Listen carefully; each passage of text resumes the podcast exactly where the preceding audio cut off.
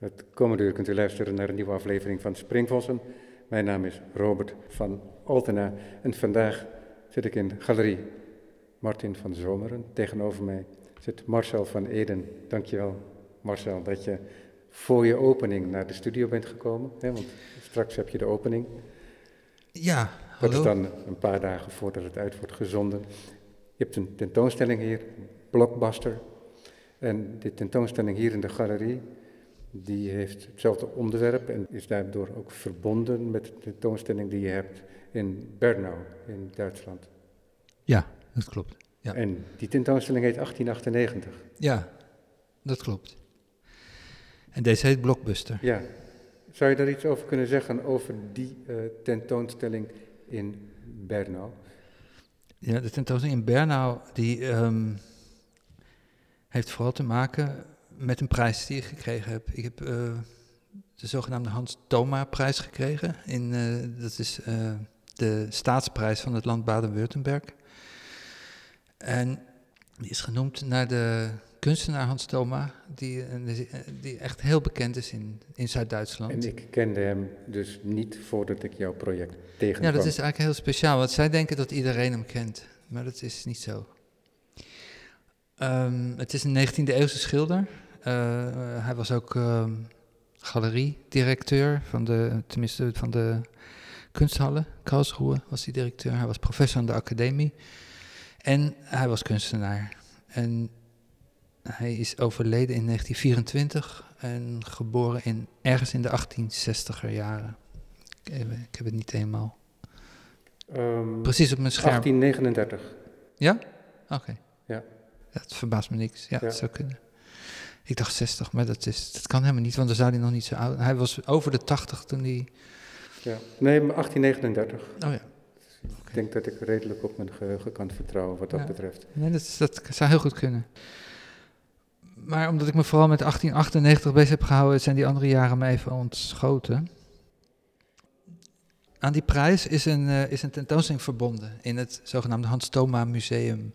En het Hans Thoma Museum is in Bernau, de geboorte, het geboortedorp van Hans Thoma, in het Schwarzwald. Dat is eigenlijk eh, tamelijk midden in het Schwarzwald, ver weg van, van grote steden. De, de, de eerste stad in de buurt is Freiburg.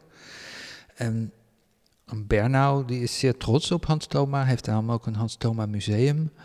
En in dat museum vindt elke twee jaar de tentoonstelling plaats die gemaakt wordt door de winnaar van de Hans Thoma prijs. Ja. Jij woont zelf eigenlijk niet zo gek ver van Bernau af. Als je het vergelijkt met de afstand Amsterdam-Bernau en Ja, Zurich-Bernau. ja, ja, ja daar, daarom heb ik die prijs natuurlijk ook gekregen. Ik, ik werk in Karlsruhe, wat ook niet zo gek ver is. Ja. En ik woon in Zurich. En Bernau ligt eigenlijk precies in het midden.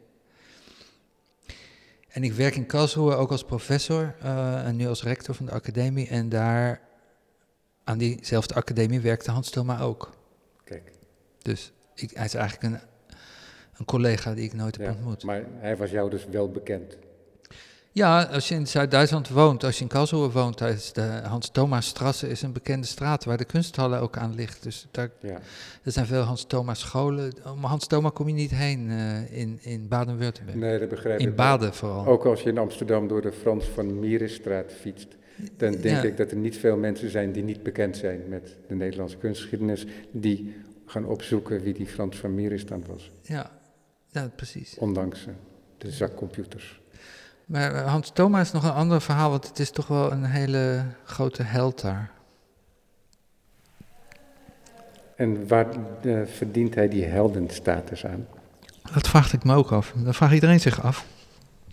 Op zich is het, heeft hij als jeugdige schilder heeft hij, relatief interessante schilderijen gemaakt. Ehm, dus midden in de 19e eeuw, eh, zeg maar. Dus rond de 18, ja, dat is dan waarschijnlijk rond 1860 geweest, als hij in 1830 geboren is. Ja, en hij 18e komt ook langs hè, bij, eh, bij Wagner. Bij Wagner, dat is Ja. veel later pas. Ja, nee, eh, maar nou, dat is zo in die, in die jaren zestig. In die zestiger jaren is dat toch? Nee, nee. Nee, nee, hij is pas... Uh... Is dat pas is, komt hij er pas terecht na het overlijden van Wagner zelf? Want Wagner overlijdt Ja. in 1883. Hij heeft niks met Wagner, mee met Cosima Dus, eh, Wagner. Cosima Wagner, oké. Ja, dus niet, Ja, met, niet met Wagner zelf. de- die heeft hij nooit de gekend. weduwe, ja. De weduwe, ja. Die heeft hem, eh, maar hij werd pas in 1890 werd hij pas bekend. Dus, eh, en dat klopt wel, die jaartallen heb ik in mijn kop. Ehm 1890 werd hij bekend, dus eh, voor die tijd was hij eigenlijk relatief onbekend. En zijn vroegste werk, daar werd om gelachen, want hij, hij maakte toen eh, schilderijen van boeren en, en ehm, dansende kinderen met, met kostuums aan en alles. En dat vonden ze toen in die tijd te, te gewoon. Ja. Dus eigenlijk een beetje Courbet-achtig, maar dan niet zo, niet zo scherp als Courbet. Een beetje romantischer, een beetje lieflijker. En dat heeft hij gedaan met weinig succes. Eigenlijk is dat zijn beste werk, vind ik, zijn vroege werk. En daarna is hij eh, zo ont 1890 ontdekt eh, bij een grote tentoonstelling in München. En toen is hij compleet doorgebroken. Hij had een, eh, een beschermer, die, hij heette eh, Henri Tode. En Henri Tode was de directeur van de ehm Stedel, Stedelmuseum in Frankfurt.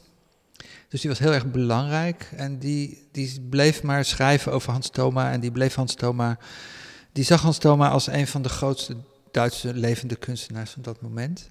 En die heeft hem heel erg geholpen eh, een soort sterrenstatus te bereiken. En die heeft hem ook aangemoedigd eh, veel meer jugendstilachtig te werken. En toen is hij een soort symbolisme gaan, gaan bedrijven, Thoma. Een beetje eh, geïnspireerd door Bucklin. Maar Bucklin was gewoon veel beter en Thoma, ja, het, helaas, hij was niet zo heel goed. Maar hij een compleet eh, eh, overschat kunstenaar. Ja, nou, maar hij kan zo zijn waarde hebben van zijn regio natuurlijk. Ja, nee, hij had ook als mens natuurlijk een belangrijke rol gespeeld in die regio. ehm, eh, omdat hij directeur was van de kunsthallen en dat echt heel erg lang, 22 jaar. Maar wat nou interessant is natuurlijk, want kijk, we hebben het nu Ja. over Thomas. Ehm, ik heb jou helemaal niet geïntroduceerd eigenlijk. Alleen maar behalve dan dat je twee tentoonstellingen hebt, namelijk hier en in dat, in dat museum in Bernau, in het Thomas Museum in Bernau. Maar ik dacht, ja, die Thomas die moet toch geïntroduceerd worden, want ik denk dat niet veel mensen hem hier kennen. Daarom, eh, ja, precies. Ehm, en kennelijk is het zo dat ook al is die bekend in Vochtenberg en misschien in grote Duitsland, toch vond jij dat het nodig was om daar nog even goed naar te kijken wie die figuur eigenlijk was. En dat ben je gaan doen, want het, en aan die prijs verbonden is een tentoonstelling. En werkend aan een idee voor die tentoonstelling ben je die Thomas gaan bestuderen. Dat, is niet, dat zit niet per definitie verbonden aan die prijs. Nee, je kunt ook gewoon je werk brengen, oud werk brengen en daarop hangen. En, je krijgt je prijs uitbetaald en klaar. En, Het is natuurlijk wel in jou besteed, omdat jij vaker ja, ik, ik hou daarvan. Ik, ik historische, hou- ehm, historische gebeurtenissen of periodes nader bekijkt. En wat nou interessant is, daar komt werk uit voort. Dat werk bestaat uit tekeningen, eh langzamerhand ook uit fotografie. Ook groot formaat tekeningen. Hè. We hebben er hier ook eh, een paar eh, aan de wand. En die fotografie, dat is een speciale vorm van fotografie, van printen. En dat is zijn gomdrukken. Ja. En dat is natuurlijk een hele logische keuze als je jouw werk wel eens gezien hebt, omdat dat een vorm van fotodruk is die vrij dicht ook tegen je tekeningen aanzit daardoor. Ik denk dat dat een Ja. belangrijke overweging is voor jou.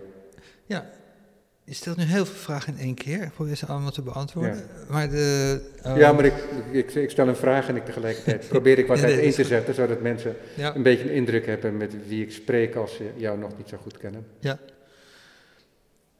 Ik, ik heb ook gemerkt een tijd geleden al eh, dat ik eigenlijk al nooit tekeningen gemaakt heb, maar eigenlijk mm, foto's met de hand heb nagemaakt. En dat is ook wat ik deed natuurlijk, eh, foto's natekenen. Op een niet zeer fotografische, maar wel op een naar fotografie neigende manier. En die, eh, die tekeningen die waren eigenlijk altijd al een vorm van fotografie, maar meer een, een handgemaakte fotografie. En daarom was die stap naar fotografie die ik nu ook toon in deze tentoonstelling, niet zo groot. En ik maak, wat ik eigenlijk altijd doe, is bij een tentoonstelling, uh, als ik ergens word uitgenodigd, dan maak ik vaak een, als ik een speciaal werk maak voor die tentoonstelling, heeft het vaak iets met de geschiedenis van die plek te, uh, daarmee heeft het iets te maken. En dat was natuurlijk ook met Bernau het geval. Als ik dan gevraagd word voor een tentoonstelling in Bernau, dan ga ik kijken naar de geschiedenis van Bernau. En dat lag natuurlijk nu heel erg voor de hand om naar de geschiedenis van Hans Thoma te kijken. En tegelijkertijd vond ik een boek. Maar dat ligt voor jou voor de hand. Hè? Want het is voor, voor jou, mij, ja, is voor jou nog niet gebeurd. Nee, dat is wel raar, want die prijs bestaat al sinds 19 jaartallen heb ik, de jaartallen heb ik niet helemaal geramd nee, Nee, ik, ik, weet ook niet. 1948, zeg maar. Ja, 47 of 48 was de eerste prijs, misschien wel 49. In ieder geval in de jaren 40 na de oorlog is de eerste prijs uh, uitgegeven. En die, uh, dat is iedere jaar toen nog. En later is dat veranderd in een tweejarige cyclus. En daar hebben uh, bekende kunstenaars die prijs ook gekregen. Ik noem een Anselm Kiefer, een Thomas Roef, Sylvia Bechley, uh, Karin Sander, zijn, zijn goede kunstenaars die altijd uh, een tentoonstelling gemaakt hebben. En tot nu toe heeft nog niemand zich met Hans Thoma als persoon bezig gehouden. Een cadeau voor jou. Ja, dus ik had vrij spel. En ik, bij de voorbereidingen natuurlijk, ik wist ik ging iets maken over Hans Thoma. En ik had daarvoor al ooit een keer een serie gemaakt die te maken had met Hans Thoma. Um, omdat ik al een tentoonstelling had in de kunsthallen twee jaar geleden, drie jaar geleden, waar um, Hans Thoma een rol speelde, maar alles nog heel onschuldig. En in mijn recherche, toen ik was uh, in de kunsthallen, daar stond een boek in de kast, dat is twee jaar geleden is dat verschenen. En dat was een opdracht van het ministerie om te kijken, omdat er, er was altijd wel een soort van discussie over, over die Thoma-prijs. En die hebben toen de opdracht gegeven aan, de, aan een um, professor van de Universiteit Heidelberg om te onderzoeken wat, waarom Hans Thoma, um, zoals ze dat noemen in Duitsland, braungefarbt is, uh, is. Dus door de, door de nazi's als lievelingskunstenaar uh, genomen is. En waarom dat zo is en of dat zo is. En dat heeft hij onderzocht met een, met een paar um, doctoranten samen. En die zijn toen ook op. Zijn, enerzijds zijn ze op die Hans Thoma prijs uh, de voorloper daarvan was de Hans Thoma plaquette. En die was dus wel degelijk door de nazi's ingesteld. En nog verder terug kwamen ze op Hans Thoma zelf, die dus gecorrespondeerd had met Cosima Wagner. En daar uh, vonden, stoten ze op een paar zeer antisemitische uh, uitspraken van hem. En, daar, en toen was ik wakker, want toen dacht ik, hé, hey, dat is interessant. En toen ben ik verder gaan zoeken. Is dat iets wat je dan altijd zoekt om iets te ontdekken? Nee, maar ik vind dat leuk, ik vind dat spannend. Zo graven en, uh, en iets vinden. Um, een soort research te doen. Ik heb wel vaak een tentoonstelling gemaakt over een moord ergens. Dan had ik ook graag iets ontdekt waarom die moord gepleegd is. Dat is een, een mysterieuze moord maar het is niet zo dat het slagen van het werk staat of valt bij een ontdekking. Nee hoor. Nee, want nou meestal tot nu toe deed ik eigenlijk veel meer. Dat verandert nu een beetje. Nu wordt het een beetje realistischer. Want uh, voordien heb ik altijd wel um, realistische elementen gebruikt uit de geschiedenis, maar daar een fictieve draai aan gegeven. Ja, je componeerde dan. Ja, ik denk dingen, ik plakte dingen samen of ik gebruikte een verhaal over een onbekende moord en daar, die heb ik dan zeg maar fictief opgelost. Of ik, ik verbond twee gebeurtenissen aan elkaar die niks met elkaar te maken hadden. Maar in mijn verhaal wel iets met elkaar te maken kregen. Wat eigenlijk allemaal heel fictief was. Maar nu was het natuurlijk anders, omdat ik nu een bekende persoon onder het mes had. En ik, ik, kon, ik had niet zoveel. En, en zeker in dit verband, als je dan komt op, uh, met nazi's en antisemitisme, dan heb je niet zoveel ruimte meer om nog uh, fictief te zijn. Dan moet je zakelijk worden. En daarom past die fotografie daar ook veel beter bij nog dan uh, fictieve tekeningen. Omdat het nog veel meer realisme is, nog realistischer. Kijk, wat dan interessant is, is dat jij onderzoek gaat doen. En dat is een voorbereiding uiteindelijk om werk te maken. Maar tegelijkertijd is het ook zo dat je dat onderzoek wat je doet, dat is een historisch onderzoek. Je gaat lezen, je bent die correspondentie gaan bekijken van Thomas. Uh, het was al wel bekend dat hij ook in contact stond met Julius Langbeen, zo'n figuur van wie ik dan wel gehoord had. En, ehm, en dat is, was toch een bekende uh, actieve antisemiet. Ja. Ja, en niet en alleen... Die had, en die had een, uh, blijkt dus uit jouw project, want dat wist ik natuurlijk niet, uh, een nauwe relatie met de schilder Thomas. En deze Julius Langbeen, die is net wat jonger, hè, die is uit 1851, 12, 12 jaar jonger. Sterft wel eerder, 1907.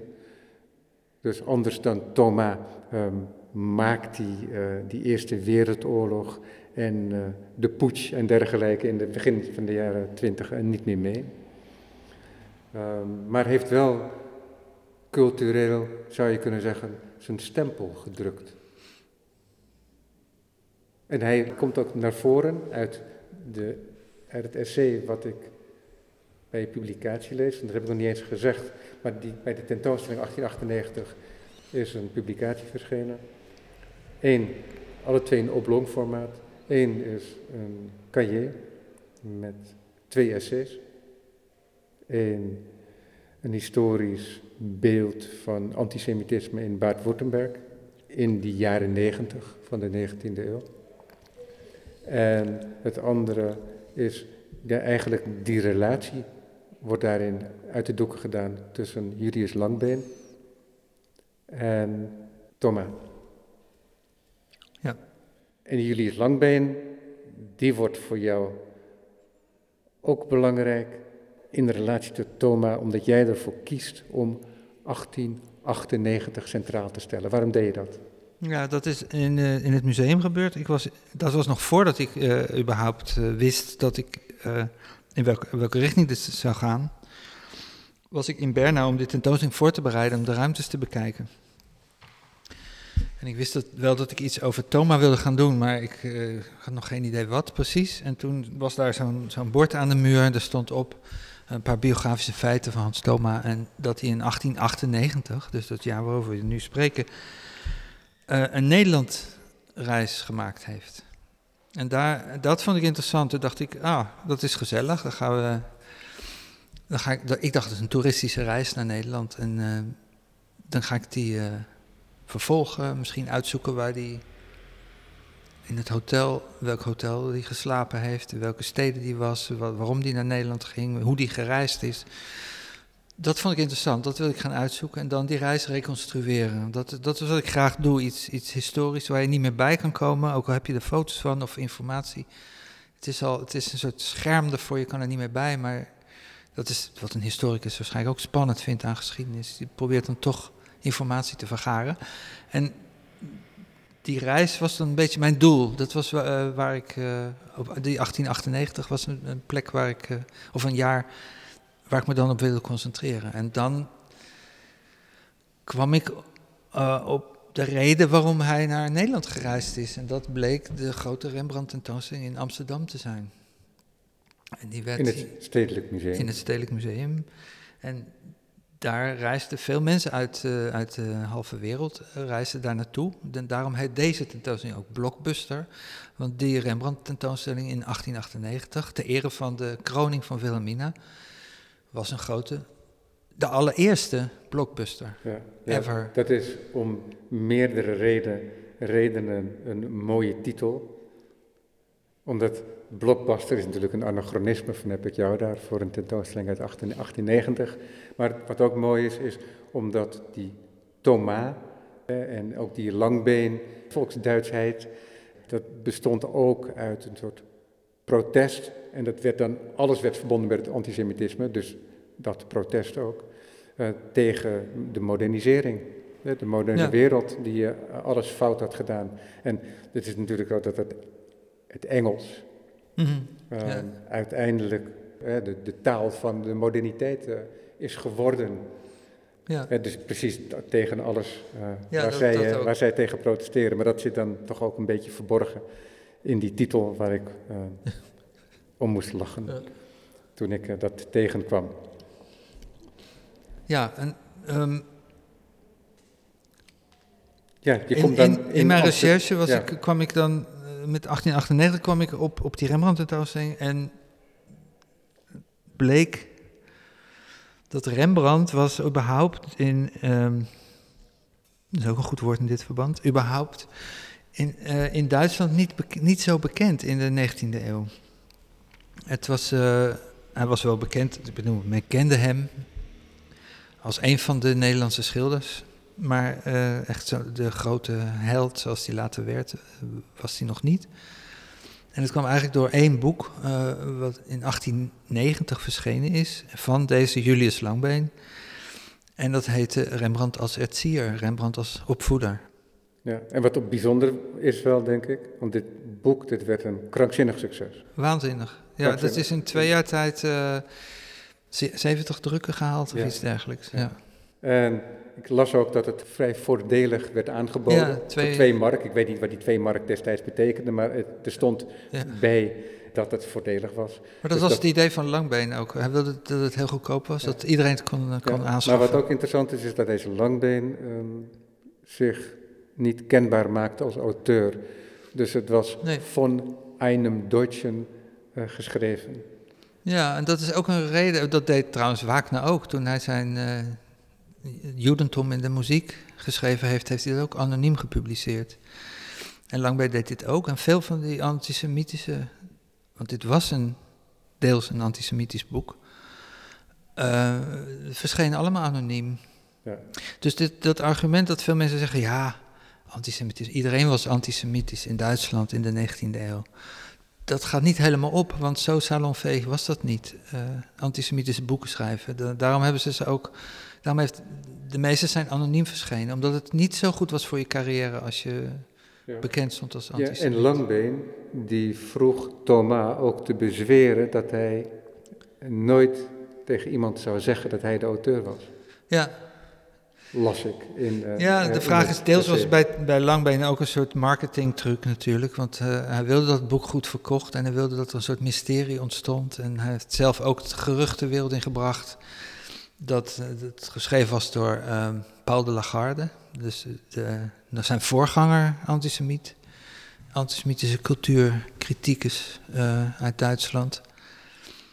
En er werd wel meer gespeculeerd wie dat dan geschreven zou kunnen hebben. En dat is Ja. natuurlijk wel goed voor de verkoop. Dat er een soort eh, eh, eh, ruis ontstond rondom dat boek. Je dat? Ja, want wat ik wel opvallend vond te lezen, ehm, en dan is het misschien wel handig om de auteurs eh, erbij te noemen.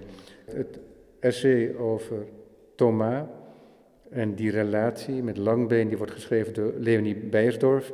En Frank Engehausen, die schrijft over het antisemitisme daar in dat grote hertogdom Bad-Württemberg. En daarin wordt ook gesteld dat het inderdaad veel minder salonveeg was dan in ieder geval ik zelf dacht. Ja. Omdat er ook van ambtswegen eh, bestuurlijk heel veel verzet is tegen het antisemitisme en die proberen dat eh, onmogelijk te maken. Nou, wat belangrijk is te weten is dat een van de grote opdrachtgevers van Hans Thoma ook, en eh, degene ook die hem op al zijn posities heeft gezet, want Hans Thoma had belangrijke posities, ook als politicus later nog. In 1905 zat hij in de Eerste Kamer van Baden. Eh, dat was de groothertog van Baden, Friedrich I. En die groothertog was totaal geen vriend van het antisemitisme, die was echt daartegen. En er zijn meer discussies geweest, ook in de krant. Er was een, eh, bekende historicus, Treitschke. Die heeft een, een ehm, antisemitisch artikel gepubliceerd eh, waar de honden geen brood van lusten. En daar kwam heel veel reactie op, natuurlijk van, eh, van andere eh, Joodse historici, maar ook vooral van een historicus die heet Momse. Grote Duitse de historicus. grote Duitse historicus. En die hebben een, de zogenaamde Berliner antisemitismus, Berliner antisemitismusstrijd aangevangen in de Frankfurter Zeitung. En daar, daar lees je gewoon, dat zijn eh, de ene artikel tegen het andere, dat dat, dat dat antisemitisme helemaal geen uitgemaakte zaak was. Het was helemaal niet zo dat iedereen, dat, dat is eigenlijk een beetje een rare situatie, dat dat, dat eh, als een soort mythe de wereld ingebracht is. Zo van ja, ach, iedereen was antisemiet. Ja, het blijkt maar weer hoe slecht geïnformeerd we eigenlijk allemaal zijn, Ja. natuurlijk.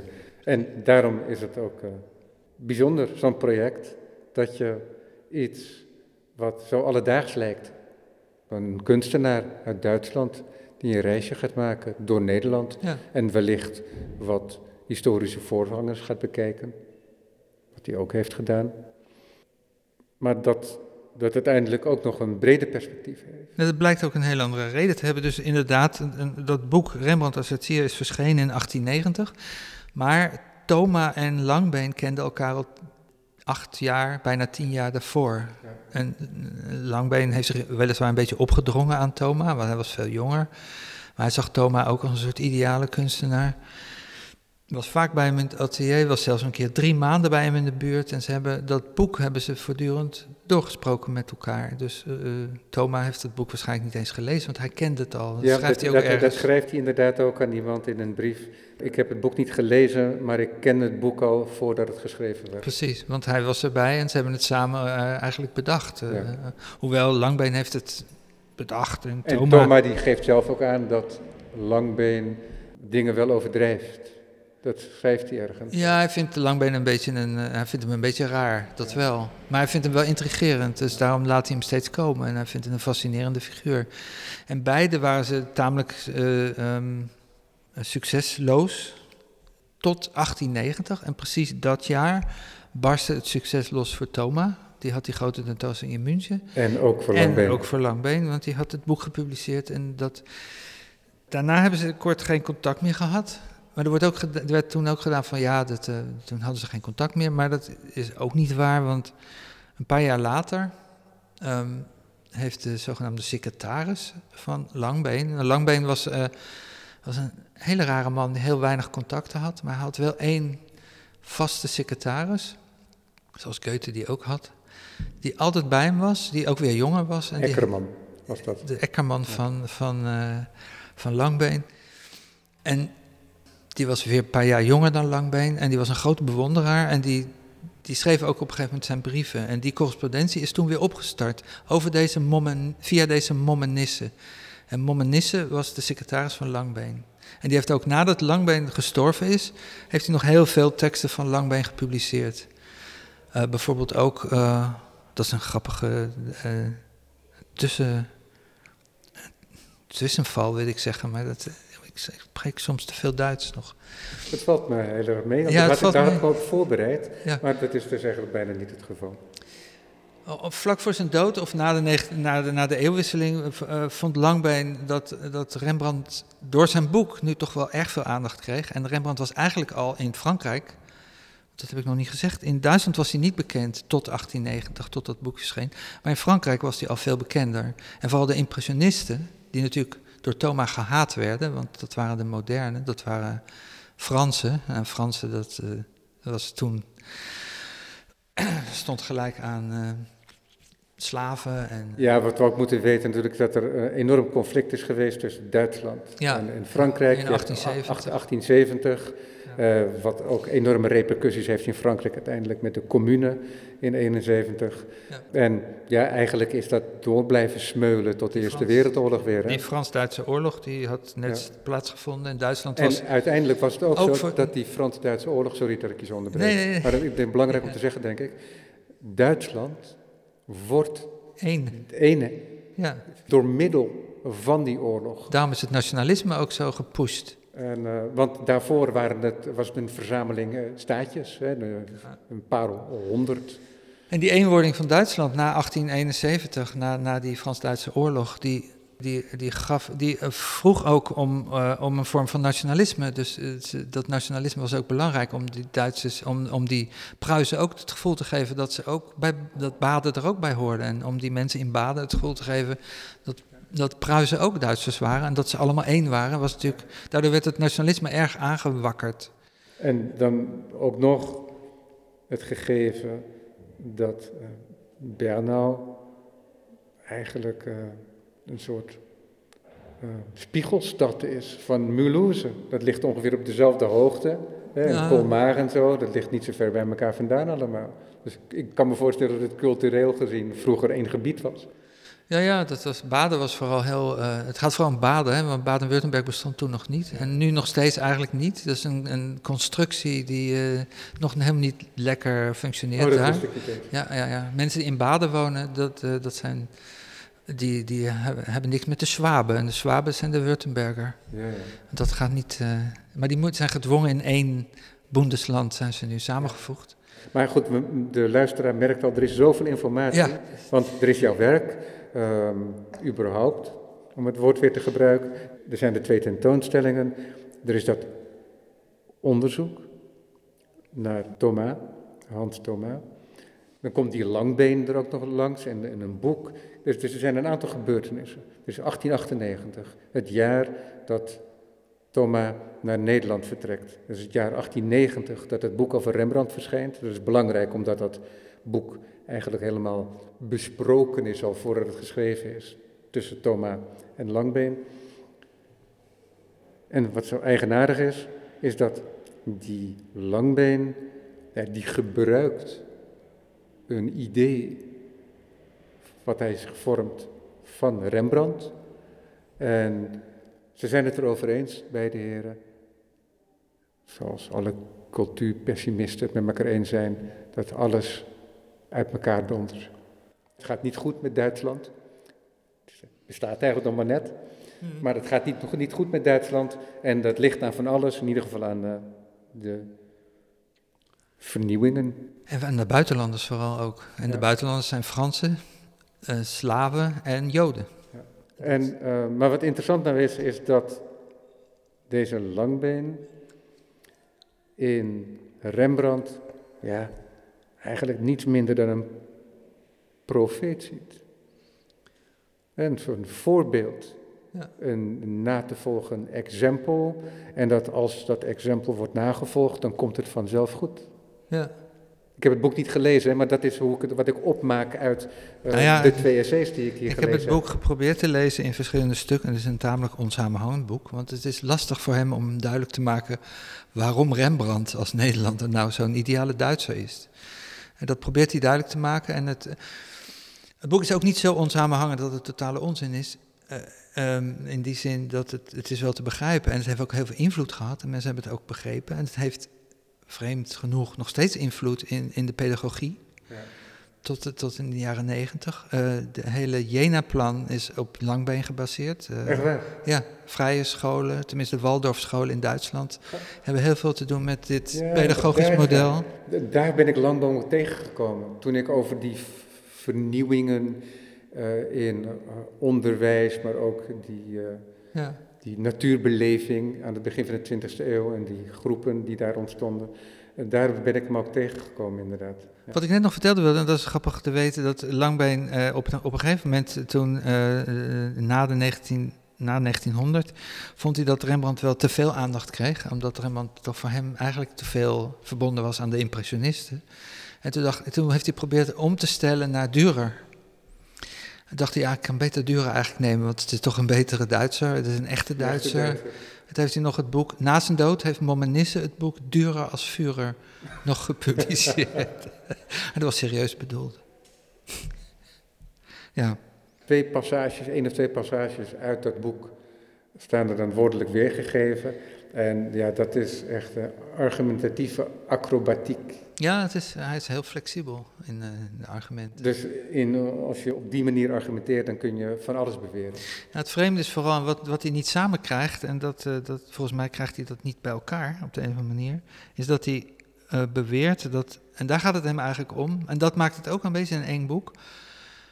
Er is voor hem één ideaal, en dat is de zogenaamde heimliche keizer. De heimliche keizer is een, is een, ja, je kan het niet anders zien als een dictator. Iemand die een land, een land bestuurt. Uh, en heimliche keizer werd Barbarossa ook genoemd. Hè? Barbarossa, de, de Duitse, keizer. Duitse keizer. Die werd ook de heimliche keizer genoemd. Dus hij wilde weer een nieuwe heimliche keizer. De nieuwe heimliche keizer zou een kunstenaar moeten zijn als Rembrandt. En Barbarossa, waar hebben we het over? Dan 12e eeuw ja, geloof ik. Ja, zo ergens. Dat, het is heel lang geleden dat ik dat voor mijn oog heb gehad. Maar, een jaartal heb ik sorry, dus ja. niet goed, maar ja, Barbarossa. Lang geleden. Ja. En um,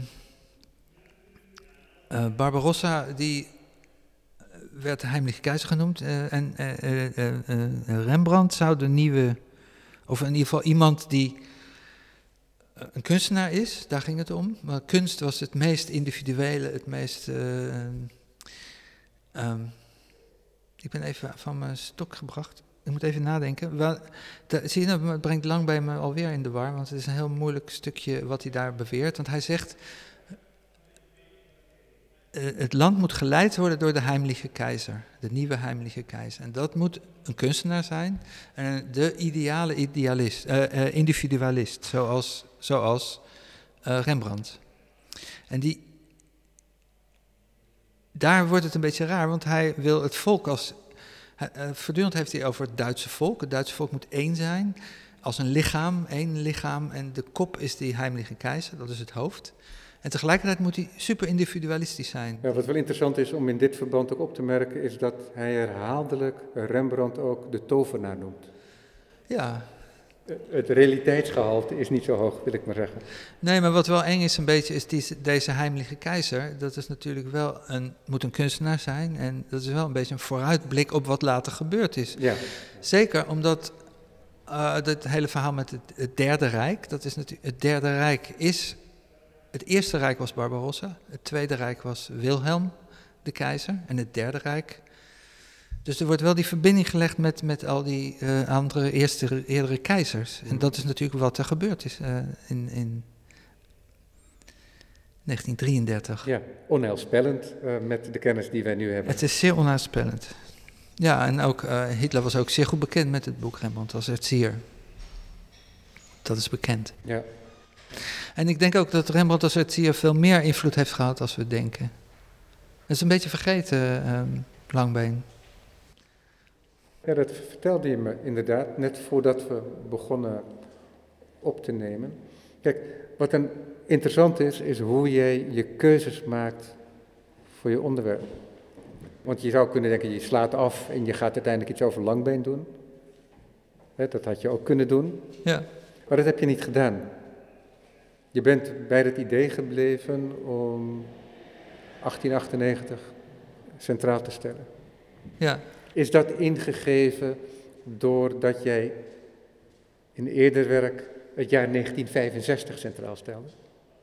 Nee, dat jaar 1965 blijft. Op zich is dat niet. Je geboortejaar? Ja, ja, maar dat is op zich niet centraal. Dat is, alles moest van voor 1965 zijn. Ja. Maar dat is nog altijd zo. Dat is, dat is de standaard, dat is de basis. Dus elke serie die ik maak heeft betrekking op een nee, feit. Maar dat, is, maar of, dat is een markering hè, middels een jaartal. Ja. Jij komt een ander jaartal tegen in die biografie van Hans Thomas. En toen dacht ik, ja, dat, dat komt daaruit voort natuurlijk. Maar misschien uh, leidt dat er ook toe dat je, dan, dat, er, dat je daarbij blijft ook. Dan, en dat je het van daaruit, van dat jaar uit blijft bekijken. In dit geval? Ja. Ja. ja. ja. Nee, maar ik pro probeer te kijken hoe je, laten we zeggen, je onderwerp afbakent. Mm -hmm. uh, en wat voor keuzes je maakt in je werk. Nou, wat mij verbaasde was dat, uh, en daarom ben ik bij Thomas gebleven, dat, dat hij uh, zo meeging met Langbeen eigenlijk. En dat Thomas nog zo'n grote held is. En, en dat wilde ik nog. Had ik natuurlijk kunnen zeggen: ja, ik, ik weiger die prijs, want Thomas is, is niet helemaal oké. Maar dat heb ik niet gedaan, omdat ik deze catalogus wilde maken en ik wilde die tentoonstelling maken. En ik was ook gefascineerd door het idee dat, uh, dat aan de basis van al het kwaad wat gebeurd is in de 20e eeuw, dat de allerergste um, misdaad die gepleegd is, überhaupt bijna in de, in de, bijna in de mensheid, uh, maar in ieder geval in de 20e eeuw, is. Ja, in zoverre wij kunnen overzien. Ja, ja is goed, ja. ja. ja. Maar naar alle waarschijnlijkheid? Het, is in ieder geval, staat in ieder geval in, uh, heel hoog uh, in de top. Ja. En de basis daarvan is, is ook uh, de basis van die theorieën die daar zijn uitgevoerd, die, die liggen rond, rondom die groep van Cosima Wagner. Die, ik bedoel, die, die, die theorieën zijn daar allemaal gevormd. Um, dan moet ik bij vertellen dat, uh, dat een van de schoonzonen van Cosima Wagner was Henri Tode. Dat was dus die, die kunsthistoricus van het Stedelmuseum in Frankfurt, die Thomas heeft geholpen en gepusht. En de andere uh, schoonzoon was uh, Houston Stewart Chamberlain. Dus de voorganger van Rosenberg en van, zeg maar, van de hele theorie van, van, de, van het antisemitisme. En in, die, in, die, in dat hart eigenlijk zeg maar, van de theorie, daar zat Thomas vlakbij. Dus Thomas was niet alleen maar een, eh, een maler of een schilder die uh, op het platteland een beetje uh, sympathieën had voor nationalistische, focus nationalistische of antisemitische theorieën. Nee, hij zat midden in die, in, die, in, de, in de wortelpunten van, van waar dat allemaal uit ontstaan is. Ja, wat, wat nou interessant is, is dat je los van deze connectie, als je het werk ziet, zou je misschien zelfs kunnen zeggen dat het een, Thomas een schilder is van een wat naïef oeuvre. Ja. En dat wordt volledig onderuit gehaald. Ja, want hij gaat voortdurend. Weet van zijn sociale omgeving. Ja, sorry. Ja, nee, nee, maar, maar de, hij, hij schildert ook voortdurend kinderen. En het kind is ook dat, het ideaal en het is het, het meest uh, onschuldige. En dat blijft hij steeds doen, dat heeft hij gedaan vroeg. En dat heeft hij later ook weer gedaan. En Langbeen spreekt ook voortdurend over uh, kinderen in, in Rembrandt als het hier. De, de onschuld van kinderen, het blonde, uh, blonde onschuldige kind. Um, en, daar, en dat, dat contrast. En Thomas wordt een beetje gezien als een oude, vriendelijke opa. Die, uh, die hele onschuldige uh, schilderijtjes maakte. Maar ik denk ook, natuurlijk is hij geen, hij is niet de aanstichter van dat alles, maar hij, hij was wel, zijn, waar je mee omgaat, word je mee besmet, zeggen ze. En hij zat wel precies in die kringen en hij had geen andere vrienden. Al zijn vrienden, ik heb een keer een lijst gemaakt met uh, alle mensen waarmee hij bekend was, ook met zijn stu studenten waarmee hij veel contact heeft gehouden. Er is een heel klein deel maar die onverdacht is en de rest is of twijfelachtig, maar de grootste lijst, dat zijn allemaal mensen die... Uh, als ze lang genoeg geleefd hebben, uh, nazi's zijn geworden. Thomas heeft die kans niet meer gehad, omdat hij in 24 is overleden. Maar hij zat er zo dichtbij. Ja, hij zou ook in 1939 al 100 zijn geweest. Ja, dat had hij niet gehaald. Ja. Ja. Maar goed, in, uh, ja. Maar ik, dat heeft me gewoon gefascineerd, dat idee dat... Um, en ik vond dat moest ook bekendgemaakt worden, dat, dat Hans Thoma niet die niet alleen maar die aardige, lieve opa is. Maar dat hij. En ik wil dat ook niet zo van, ik wil hem nu aan het kruis nagelen of ik wil hem als uh, nee, want dat had je, cancelen had je of zo. Kunnen doen. Ik, ja, dat wilde ik hem niet cancelen, maar ik wilde wel. Het wordt natuurlijk niet, niet heel erg in dank. Het wordt me wel in dank afgenomen, enerzijds, maar anderzijds ook niet. Maar je bent heel terughoudend, hè? En dat is denk ik gewoon je manier van werken. Dus niet specifiek met betrekking tot dit onderwerp. Want Kijk, als je die beelden ziet, uh, het is niet zo dat je naar een uh, werk kijkt waarin dat conflict direct naar voren komt. Ja, want je had bijvoorbeeld, nee. omdat jij um, ook vaak tekst en beeld combineert. Hmm. Ja, dat gebeurt hier ook een aantal keer, maar dat doe je op zo'n manier, want je had ook uh, passages nou, dat heb ik wel gedaan in dat boek. Hè? Er staan passages tussendoor. Nee, tuurlijk. Nee, in het, in het boek wel. Ja, dus in het boek heb je stukken van Langbeen, van Thomas, ook van andere mensen. En uh, in het boek zeker. En het boek, dat is ook een werk op zich. Hè? Dat is, ja, een kunstenaarsboek. Een, kunstenaarsboek. Ja, nee, zeker. Maar in de tentoonstelling hier, ik weet niet hoe dat in Bernau is, maar want die, die tentoonstelling heb ik niet gezien, maar valt het me op dat datgene wat je in het boek doet, want daar kan je monteren, hè, een pagina tekst en een paar pagina's beelden en dan weer wat tekst. Wat je ook in je werk kan doen, is dat jij tekst in je beeld brengt. Ja, dat had ik, had ik ook kunnen. En dat had je kunnen doen, ja. waardoor je dat heel erg had aan kunnen scherpen. Dat ja, kriti die kritische blik op Thomas. Dat, en dat maar het is mijn neveneffect van het werken, want dat is niet waar het werk over gaat. Ja, en, is, en dat valt me dus op dat jij dat, uh, uh, dat conflict in die zin uh, niet op, daarop zoekt. Nee, ik drijf het ook niet op de spits. Ja. Maar het is wel, het is zo dat. ehm eh, heb ik even kwijt wat ik wou zeggen. Oh ja, nee, ik heb het in het boek wel gedaan. En in de tentoonstelling in Bernau zijn er wel teksten tussendoor, maar ook niet de allerergste teksten. Dus, eh, Oh, maar tussendoor, dus, maar dan heb je gewoon eh, eh, tekstpanelen. Nee, tekstpaneel midden in zo'n blok, zeg maar. Ja, er is dan precies. één tekstpaneel. Ja, En dan ook met die schrijfmachineletter. En daar was ook kritiek op dat ik die schrijfmachineletter gebruik, want die is namelijk niet 19e eeuws. De, de fototechniek is 19e eeuws, maar de schrijfmachineletter niet. Maar dat is omdat die schrijfmachineletter, dat is een- in het boek, dat is een verwijzing naar, ehm, of een soort hommage aan ehm, de film van Hans-Jürgen Sieberberg. Ik weet niet of je die kent, maar nee, dat is dat is echt een aanrader op YouTube. Dat is, duurt vier uur. En daar eh, interviewt hij ehm Winifred Wagner. Winifred Wagner is Ja, een daar van de... wordt aan gerefereerd. Ja, daar wordt ook over Ja. geschreven. En Winifred Wagner is een, eh, een... De vrouw was dat van een van de zonen van Wagner. Die was veel jonger. Dus die had en dat interview uit 1976. En daar, wordt, daar spreekt ze vrij uit over hoe dat dan functioneerde met Hitler in, in Bayreuth. En, en vraagt zich ook af waarom iedereen altijd zo boos is op Hitler, want het was toch zo'n aardige man. En vooral zo leuk met de kinderen. Ja, dat is een fascinerende film. En hij ehm, gebruikt daar tussendoor gebruikt hij korte teksten met schrijfmachineschrift. En daarom was het, is dat een kleine verwijzing naar Sieberberg. Kijk, En die Sieberberg is ook altijd met die oorlog bezig geweest. Die heeft ook een zeven uur durende film gemaakt. Die heet Hitler.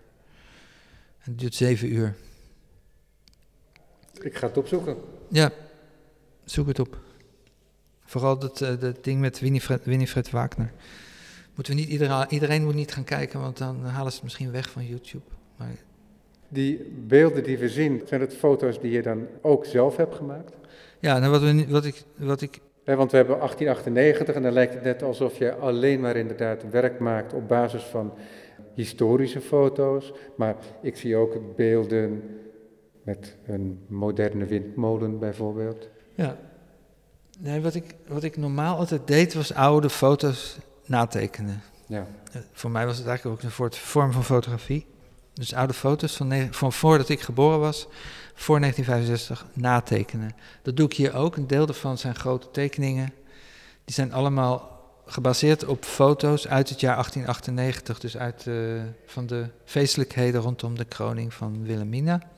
En de foto's zijn een soort nieuwe poot in mijn werk. Omdat ik nu heb uitgevonden dat ik ook fotografie kan gebruiken. Maar dan moet ik het gebruiken als reportage van een gebeurtenis van voor 1965. Dan kan het dus wel. Dus als ik nu zeg maar iets onderzoek van voor 1965, kan ik de reportage nu fotograferen op de plek waar het gebeurd is of enzovoort. En dat is hier eigenlijk gebeurd. Hier heb ik de reis nagereisd die hij ondernomen heeft. Hij woonde bij Frankfurt in die tijd, is toen naar zijn moeder gereisd in Bernau. In 18, dat spreken we allemaal over 1898. En van Bernau is hij naar Scheveningen gereisd. En daar heeft hij ja, een week ehm, vakantie gehouden. En toen heeft hij een paar steden bezocht in Nederland. En is naar Amsterdam gegaan, naar de Amsterdam, de grote tentoonstelling in het Stedelijk Museum. Stedelijk Museum. En intussen heeft hij dan ook nog in, ehm, Marken is hij geweest. in Marken is hij geweest als toerist. Eh, ging hij naar Marken eh, op het eiland.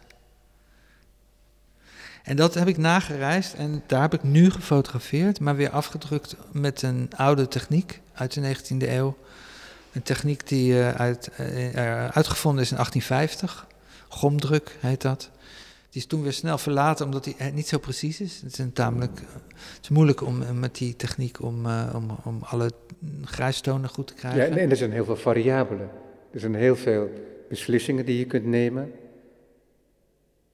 als fotograaf, drukker, kunstenaar, waardoor je het beeld kunt eh, Ja. veranderen. Ja. Ja, maar nu heb ik gekozen om die, die reportage te maken van die reis, op die plekken te fotograferen waar hij eh, was. Maar eh, natuurlijk gebruikmakend ook van digitale technieken, maar uiteindelijk af te drukken met, met deze techniek, gomdruk.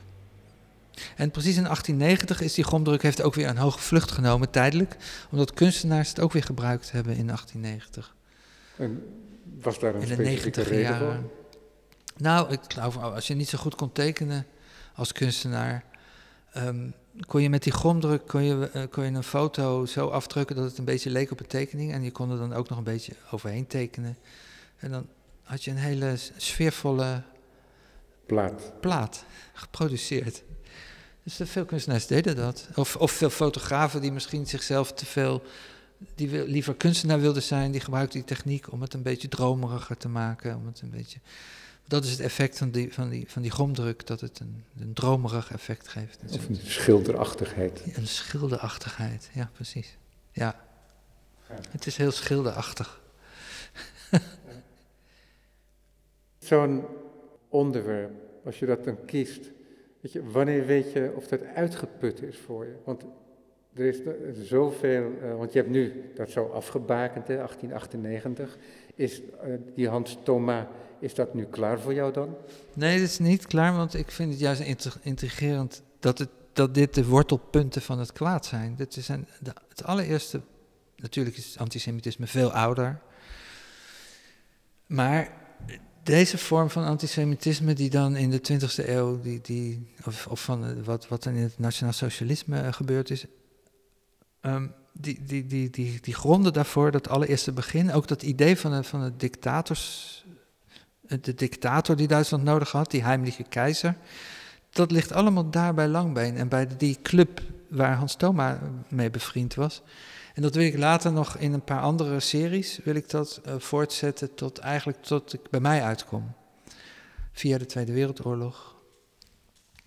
Ehm, omdat een andere serie waar ik nu mee bezig ben, samen met een filmmaker, dat, dat zijn we nog aan het ontwikkelen, maar dat gaat over de arbeidseinsatz. Want mijn grootvader is ook eh, naar Duitsland afgevoerd, om, tenminste afgevoerd, moest naar Duitsland om te werken. Ja.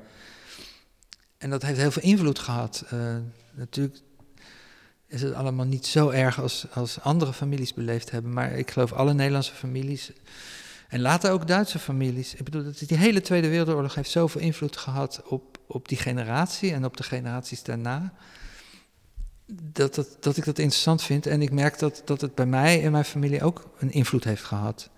Uh, op, op mijn grootvader die naar Duitsland gebracht is. Mijn grootmoeder was alleen met kleine kinderen thuis. Uh, mijn moeder heeft daar weer, is daardoor beïnvloed als je, als je klein bent. En al die angst en al die toestanden om je heen um, vinden plaats. Dan heeft dat invloed op je. En dus heeft het ook weer invloed op mij. Dus eh, gek genoeg kom ik via al die series, vind ik gewoon interessant, kom ik bij mij uit. Ja, maar dat, daar ontkom je niet aan. Sowieso. Nou, nee, Omdat ook- je de wereld natuurlijk vanuit jezelf ook Ja, probeert te verstaan. Ja, dus in dit geval wil ik, het, wil ik nog verdere series maken die, die doorlopen tot de arbeidseinsatz, tot uh, nationaal socialisme, tot wat er gebeurd is. Daarom is deze Hans Thoma tentoonstelling, of die, uh, dat jaar 1898, is een begin van wat er daarna nog gaat komen.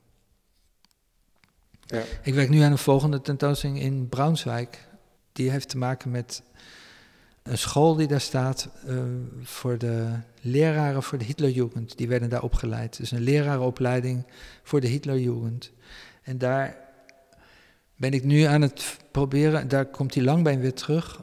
Uh, in hoeverre Langbeen en dat boek, Rembrandt als het je, een rol heeft gespeeld bij de opvoeding van de Hitlerjugend en van de ja, hele... precies. En dan probeer je ook te kijken of er inderdaad die, uh, die grotere invloed, Ja. grotere werkzaamheid van die, dat gedachtegoed, hoe uh, verward soms ook, van Langbeen uh, is Ja, en, geweest. en, en dat kan je nog verder trekken. Dus naar, er was een zekere Petersen. Petersen was een eh, pedagoog die Jena-plan heeft ontwikkeld. En die, die werkte op deze school in Braunschweig, op die, op die, het, die lerarenopleiding voor leraren voor de Hitlerjugend. Dus daar werden leraren die lesgeven aan de Hitlerjugend opgeleid. Baldur von Schirach was daar de grote baas. En daar ben ik nu aan het rechercheren hoe verre die... Dus de langbeen, daar, die laat ik nog niet los. Die, die heb ik aan zijn eh, taas. Duidelijk. Mensen kunnen jouw tentoonstelling eh, zien in Bernau tot wanneer? Oktober, 12 oktober. Ja, ja, precies. En de tentoonstelling bij Martin van Zomeren, ook pastor, die is te zien, die, die opent vandaag dat we het opnemen. Hè. We- het wordt En dan even vijf weken later open. uitge- uitgezonden. En dan is het tot in half oktober is het dan eh, te zien. Ja, eind oktober. zeg. Nee, ja, half oktober. Ja. Marcel van Eden. Dankjewel. Dankjewel. Jij bedankt.